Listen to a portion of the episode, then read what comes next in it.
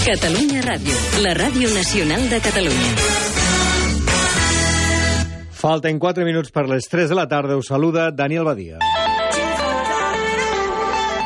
El Lleida Esportiu té actualment 2.021 abonats, dels quals 339 són nous d'aquesta temporada. El president, Albert Esteve, ho valora positivament perquè l'equip encara no ha pogut jugar cap partit a casa. A partir d'aquí sabem que fins que no jugarem a l'estadi, l'últim impuls no el tindrem. Portem 2.021 socis abonats, dels quals 339 són, són altes noves, 339. Vol dir que portem un ritme més que correcte. A partir d'aquí, pues sabem, si tardem 15 dies a l'estadi, juguem la setmana vinent, sabem que la setmana vinent aquí hi haurà molta gent fent-se sòcia abonada. És històricament sempre és així.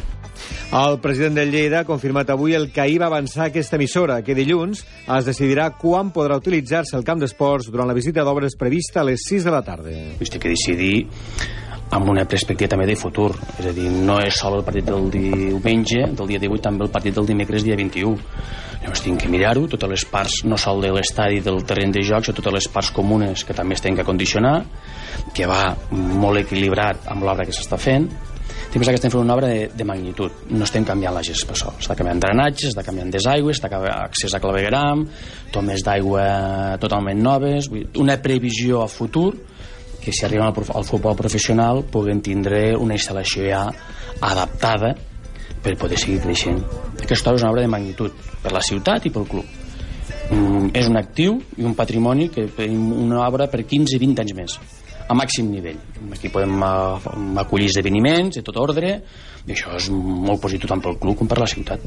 Albert Esteve ha fet aquestes manifestacions durant l'entrega del seu carnet d'abonat del Lleida Esportiu a l'alcalde Àngel Ros, que té el número 524.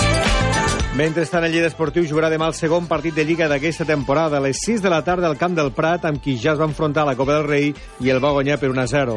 L'entrenador del Lleida, Gustavo Siviero, reconeix que ja tenen necessitat de començar a sumar, però en cap cas urgència. Eh, más que urgencia, ganas, porque si, si tenemos urgencia en la jornada cuarta, en la segunda para nosotros, bueno, es que, es que esto del fútbol está, está muy mal. Entonces, eh, pero es cierto que tenemos ganas de, de, de, bueno, de entrar con, con, pie firme ya, de pisar con pie firme la competición y, i bueno, ojalà sigui a partir d'aquest fin de setmana.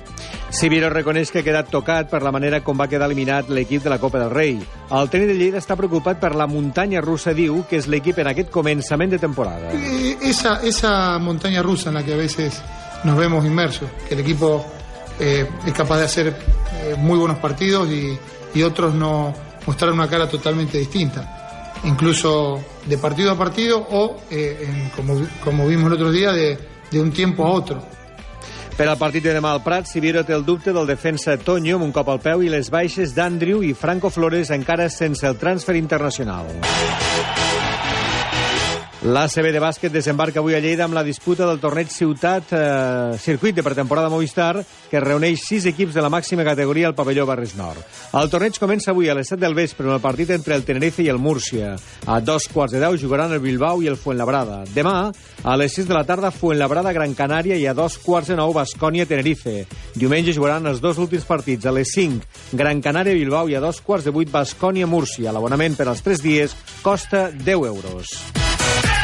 Altre cop en futbol, aquest cap de setmana es disputarà la segona jornada del grup segon de la primera catalana. Demà a dos quarts de sis, al Picat Viladecans i a les sis, Jesús i Maria, Lleida B.